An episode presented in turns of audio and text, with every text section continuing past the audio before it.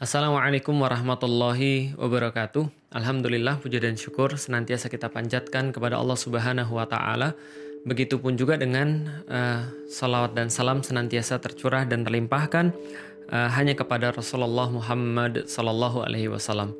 Teman-teman sekalian selalu dirahmati Allah.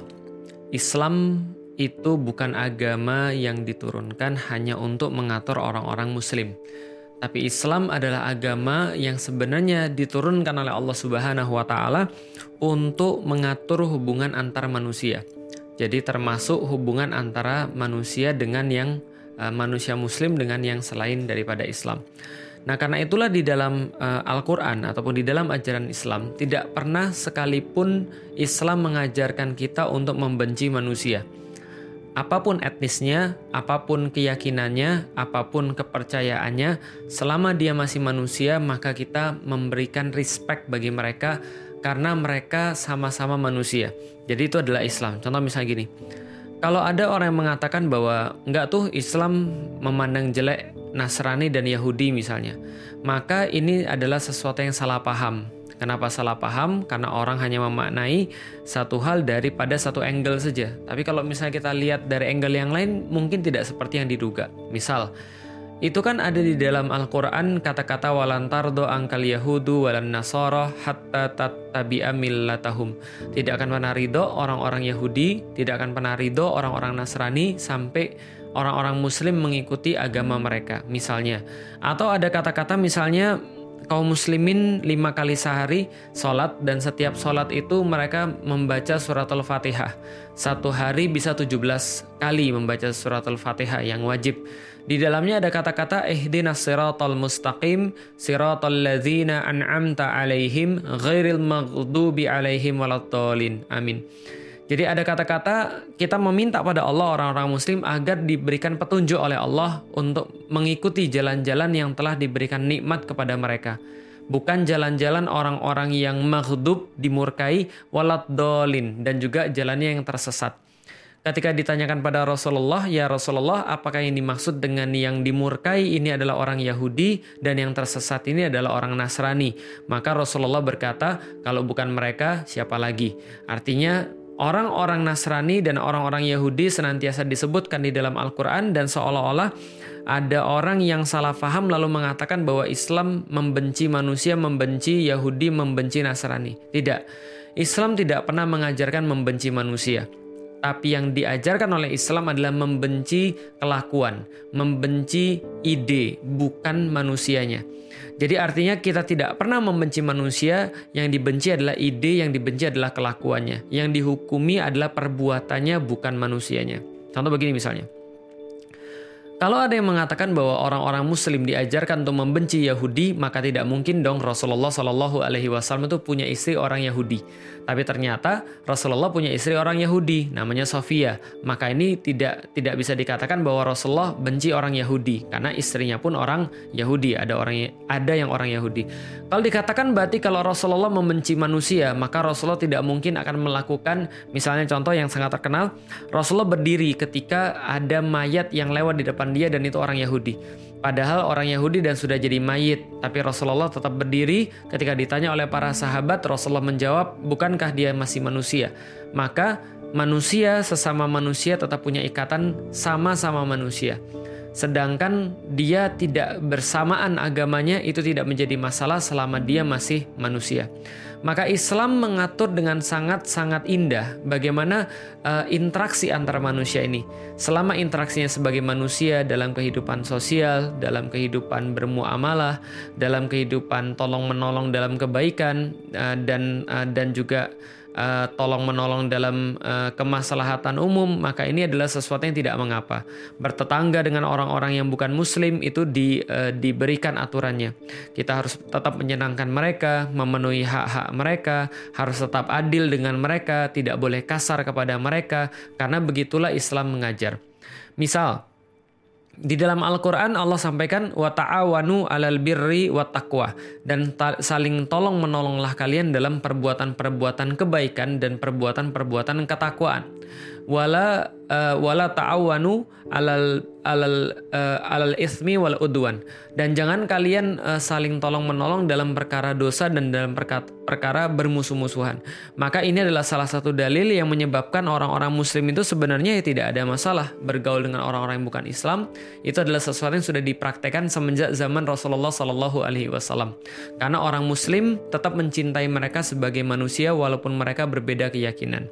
Karena itulah dari awal Allah Eh, memberikan kisi-kisi bagaimana cara memandang mereka, yaitu adalah uh, manusia yang sama-sama harus dikasihi, sama-sama harus dicintai. Misal dengan kata-kata ud'u ila sabili rabbika bil hikmah dan serulah mereka, ajaklah mereka, undanglah mereka ke jalannya Allah dengan hikmah, dengan uh, dengan sesuatu yang baik. Maka di situ kata-kata ud'u sama asal katanya dengan kata dakwah, yaitu adalah da'a, yad'u, dakwatan. Artinya adalah mengundang, artinya adalah mengajak. Tidak mungkin kita mengajak, mengundang orang ke rumah misalnya kalau kita tidak mencintai orang itu toh. Nggak mungkin kita mengundang orang itu pergi makan kalau kita tidak senang, kita tidak sayang dengan orang itu. Maka orang muslim walaupun berbeda keyakinan, mereka menganggap sebagai bagian daripada manusia yang harus dicintai. Adapun ketika uh, Islam mengajarkan kepada kaum muslimin untuk berhati-hati uh, diperingatkan dengan perilaku-perilaku orang-orang Yahudi, perilaku orang-orang Nasrani yang dinilai, dinilai bertentangan dengan Islam, maka itu adalah sesuatu yang sah-sah saja. Tidak menyukai satu hal, berbeda dalam satu hal bukan berarti membenci, bukan berarti kemudian kita lantas saling uh, kasar dengan yang lain. Tolong dibedakan. Berarti ini adalah pandangan orang-orang muslim terhadap selain Islam berdasarkan Quran dan sunnah. Nah, lalu bagaimana kalau misalnya ada beberapa ajaran yang misalnya bertentangan satu sama lain? Misal, orang-orang Muslim meyakini Allah itu satu. Sedangkan orang-orang Nasrani misalnya meyakini bahwa Allah itu Tritunggal Maha Kudus uh, yaitu adalah tiga kepribadian dalam satu pribadi atau satu pribadi tapi ada tiga eksistensi ataupun ya sesuatu yang sama seperti itu. Bagaimana kalau misalnya ada perbedaan? Ketika orang-orang Muslim itu dilarang untuk menyembah uh, menyembah kepada selain Allah, termasuk kepada patung misalnya, sedangkan yang lain uh, mengadopsi ada cara seperti itu. Maka Islam mengatur dalam perkara ini adalah lakum dinukum waliyadin. Uh, bagimu agamamu, bagiku agamaku. Maka orang-orang Muslim melihat ya ya contoh misalnya orang-orang muslim yang nggak pernah protes ketika ketika orang-orang e, Nasrani meyakini bahwa Tuhan itu punya anak misalnya. Tidak pernah toh orang muslim melaporkan ke polisi gara-gara ucapan orang-orang Nasrani bahwa Tuhan punya anak misalnya. Ada anak di dunia dan lalu kemudian ada Tuhan Bapa di surga. Tidak tidak pernah kaum muslim juga mencampuri urusan akidah. Kenapa? Yaitu urusan masing-masing. Urusan ibadah lakum dinukum waliyadin. Kamu tidak mengikuti ibadah kami dan kami pun tidak tidak mengikuti ibadah kalian. Maka ini adalah cara Islam mengatur dengan sangat api. Tapi memang ada beberapa hal yang menjadi sebuah uh, sebuah apa ya contoh-contoh kasus di mana perbedaan ini akhirnya muncul dan menjadi sebuah uh, sebuah problematika di masyarakat. Dan ini harus kita lihat sebagai bukan uh, problematika yang bersifat harus ditanggapi secara anak kecil gitu kan ya, tapi kita harus tanggapi secara dewasa. Misal, satu waktu sangat menarik kisahnya Nabi Ibrahim yang ketika itu melihat kaumnya yang lagi ngetren pada saat itu yang lagi hype adalah menyembah berhala. Karena orang-orang pada saat itu sibuk membuat patung-patung berbagai rupa dan kemudian beribadah pada pada patung-patung itu manteng di situ terus nggak beranjak-beranjak dan mintanya semuanya ke patung. Maka Nabi Ibrahim bertanya pada kaumnya, "Ma hazihi tamathilul lati antum laha akifun?" Wahai kaum-kaumku, ini sebenarnya apa? Patung ini yang kalian senantiasa di situ manteng, yang kalian senantiasa di situ tidak bergerak, senantiasa kalian fokus banget ke situ dan mengabaikan yang lain. Kenapa Anda begini banget sama patung ini gitu loh maksudnya? Kemudian disampaikanlah oleh uh, kaumnya Nabi Ibrahim jawabannya wajadna ana laha abidin. Kami mendapati bahwa bapak-bapak kami, buyut-buyut kami, uh, leluhur-leluhur kami ini sudah tradisi bagi kami untuk melakukan ini, maka kami pun melakukannya. Maka mulai dari situlah Nabi Ibrahim mengkritik penyembahan berhala ini. Maka direkam dalam surat Maryam misalnya eh, ketika Nabi Ibrahim berdiskusi dengan orang tuanya. Wazkur fil bi Ibrahim idh qala li abihi eh, dan ingatlah kisah Ibrahim, saya langsung loncat saja. Idqala li abihi dan ketika dia berkata kepada uh, orang tuanya, "Ya abati, lima ta'budu ma la yasma'u wa la yubsiru wa la yughni anka syai'a." Wahai bapakku, kenapa sih engkau ini beribadah? Engkau ini menyembah pada sesuatu yang tidak pernah mendengar, tidak bisa melihat dan tidak mungkin mencukupi kamu sedikit pun. Tolong dibedakan, ini bukan mencaci kalau di dalam Islam kita dilarang mencaci sesembahan agama yang lain. Tapi ini memberikan argumen. Apa bedanya? Memberikan argumen dengan logika, dengan petunjuk, dengan data. Sedangkan kalau mencaci ya, ya cuma mencaci, tidak perlu data, tidak perlu argumen, tidak perlu apa pun. Dan memang mencaci, menghina, dan kita nggak perlu contoh lah.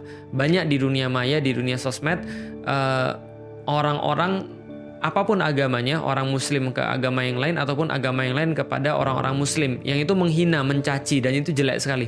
Dan saya pikir saya nggak perlu membahas itu di sini.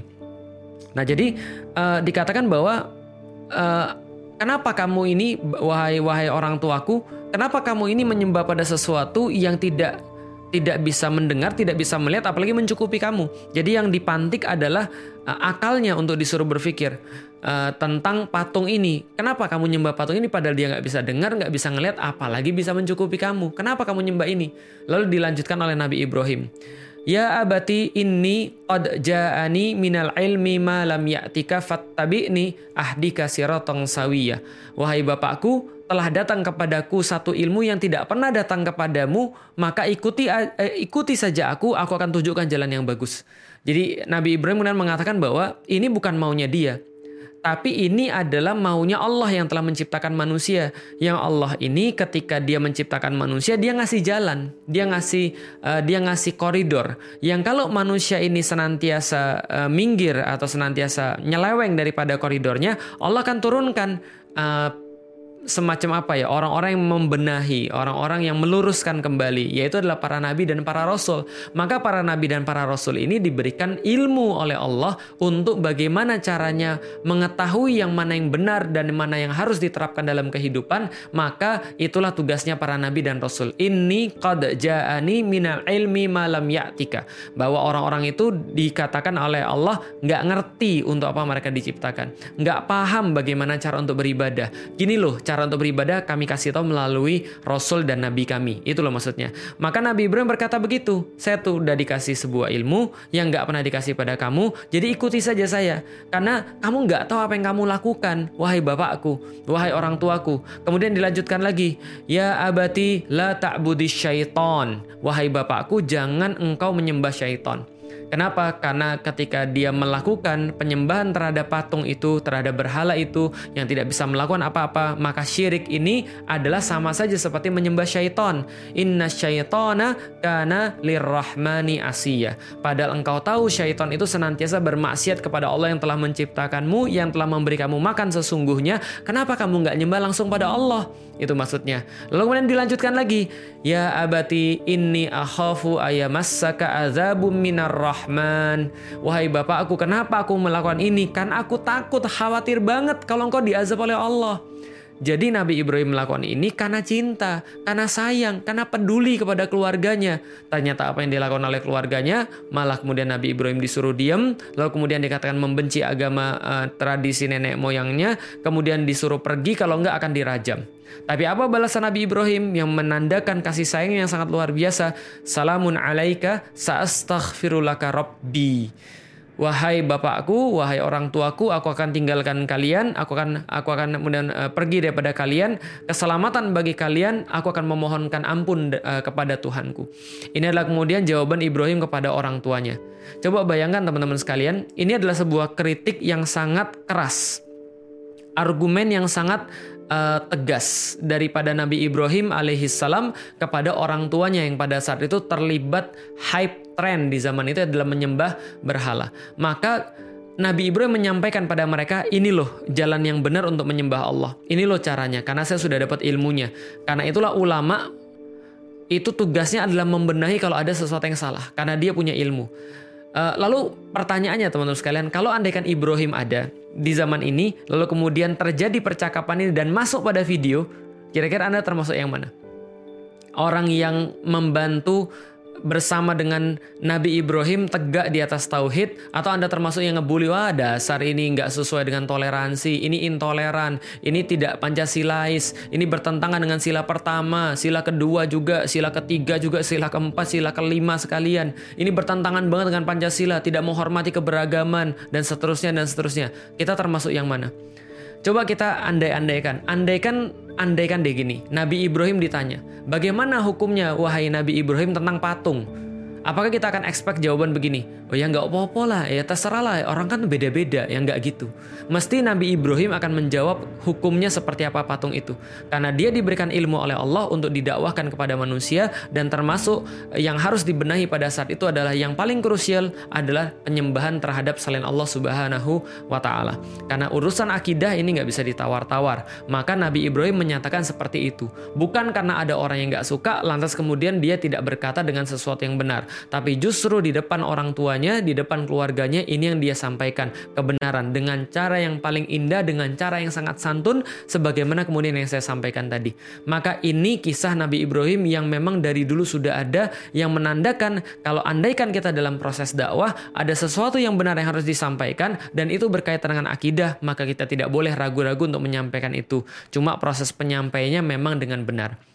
Islam tidak pernah memperbolehkan untuk menghina ataupun untuk mencela ataupun untuk memaki sesembahan-sesembahan selain Allah karena kita khawatirkan mereka akan melakukan hal yang sama kepada Allah Subhanahu wa taala dan ini adalah fitnah. Tapi bukan berarti kita tidak menyampaikan argumen secara benar. Yang tidak boleh mencaci, yang tidak boleh memaki, yang tidak boleh menghina, menjatuhkan dalam arti kemudian sesuatu yang uh, kotor, sesuatu yang uh, celaan dan seterusnya. Akan tetapi ketika kita mendakwakan Islam, maka itu adalah sesuatu yang harus. Lalu bagaimana pandangan kita terhadap Rasulullah Shallallahu alaihi wasallam yang banyak mengkritik cara penyembahan yang salah yang dilakukan oleh orang-orang kafir Quraisy. Bagaimana kemudian kita memandang bahwa Allah yang menurunkan ayat-ayat yang mengkritik banyak hal yang dilakukan oleh orang-orang Yahudi dan orang-orang Nasrani. Maka kalau seandainya semua itu bisa dilaporkan, ya berarti dari dulu orang-orang itu sudah kemudian maaf kalau itu semua bisa dilaporkan berarti kemudian yang ngajarin itu semua adalah Rasulullah Shallallahu Alaihi Wasallam tapi masa mau laporin Rasulullah Shallallahu Alaihi Wasallam? Masa kita bilang bahwa Rasulullah tidak bijak dengan mengatakan seperti itu? Iya, ada banyak sekali kemudian cara Rasul mempertimbangkan dakwah itu. Tapi teman-teman sekalian, bukan berarti kita menyembunyikan kebenaran. Ini yang harus kita pahami. Lalu bagaimana menyikapi ini? Ya dewasa, Jangan baperan, jangan seperti anak kecil. Anak kecil itu kan tidak bisa memaknai satu hal, anti kritik, tidak bisa kemudian dikatakan salah. Ya kita anggap aja dewasa. Bagi orang-orang Nasrani seperti yang sudah saya bilang, Tuhan punya anak. Ada Tuhan Bapa, Tuhan Roh Kudus, dan Tuhan Yesus misalnya. Maka ya kita biarkan mereka berkeyakinan seperti itu. Toh kan nggak pernah dilaporkan toh. Artinya kita dewasa, ya itu memang keyakinan mereka. Keyakinan uh, mereka beda dengan keyakinan kita. Ya sudah, asal mereka simpen untuk mereka, mereka tidak coba untuk dakwakan secara publik, konflik ini tidak jadi masalah. Sama kayak orang-orang muslim, mereka punya keyakinan. Termasuk keyakinan mereka adalah bahwa di dalam rumah mereka tidak boleh ada patung. Karena kalau ada patung itu menjadi tempat tempatnya para jin yang kemudian nanti akan menyebabkan rumah itu tidak barokah. Itu keyakinan orang-orang muslim. Lah kalau perkara ini mengganggu orang-orang yang selain Islam, lantas apakah kemudian harus disembunyikan? Seperti kemarin ada wacana, kalau kata-kata kafir itu menyakiti berarti tidak boleh ngomong tentang kafir. Loh, anda itu bukan agama Islam. Jangan atur-atur agama Islam sebagaimana Islam nggak pernah mengatur dakwah agama kamu. Gitu maksudnya. Lakum dinukum waliyadin. Berbeda rumah, saling menghormati. Sederhana. Lah tapi kok Abdul Somad bahas kemudian sesuatu yang um, tentang agama lain yang dia mungkin nggak tahu dari sudut pandang orang-orang Muslim, dari sudut pandang hukum-hukum Islam karena ditanyanya seperti itu. Itu proses pertanyaan kemudian dijawab adanya kemudian di tempat yang khusus yaitu di masjid yaitu pembahasan Islam. Jangan atur-atur agama orang sebagaimana kita juga nggak mau diatur agamanya. Ya pemahaman ya agama sendiri-sendirilah. Perbedaan itu pasti ada, tapi ya bisa ditanggulangi dengan saling menghormati. Dan Islam nggak usah diajari tentang saling menghormati, sudah sangat expert dengan itu. Kita mau hormati agama lain dengan lakum dinukum waliyadin. Biarkan mereka dengan agama mereka, kita dengan agama kita. Kita harus dewasa teman-teman sekalian. Perbedaan itu nggak mesti saling membenci. Perbedaan itu nggak mesti langsung main lapor. Lagi pula kalau saya itu yang dilakukan, yang rugi siapa? Yang rugi ya kehidupan beragama yang ada di Indonesia. Lah kalau memang orang-orang Muslim meyakini bahwa selain Islam itu adalah kata-kata kafir, ya itu adalah keyakinan orang Muslim, tidak perlu dipermasalahkan. Tidak boleh pakai kata kafir dalam ceramah, tidak boleh kemudian membahas salib dalam ceramah, tidak boleh membahas tentang patung dalam ceramah. Lah itu ada ayatnya di dalam uh, di dalam Al-Qur'an dan ada hadisnya di dalam uh, Eh, kitab-kitab hadis dari Rasulullah Sallallahu Alaihi Wasallam. Jadi ini adalah sesuatu yang uh, berikutnya. Nah, teman-teman sekalian, uh, itu sudah saya bahas dan yang uh, yang terakhir yang ingin saya sampaikan teman-teman sekalian adalah sekali lagi kita harus menggarisbawahi kita bareng-bareng bukan berarti semua harus sama. Kita berbeda bukan berarti harus saling membenci dan harus saling menyakiti. Tidak berdewasalah dalam hidup beragama. Maka kita punya aturan, orang lain juga punya aturan. Orang lain punya rumah, kita juga punya rumah. Kalau seandainya kita bisa bersikap bijak seperti itu, maka diskusi akan terjadi.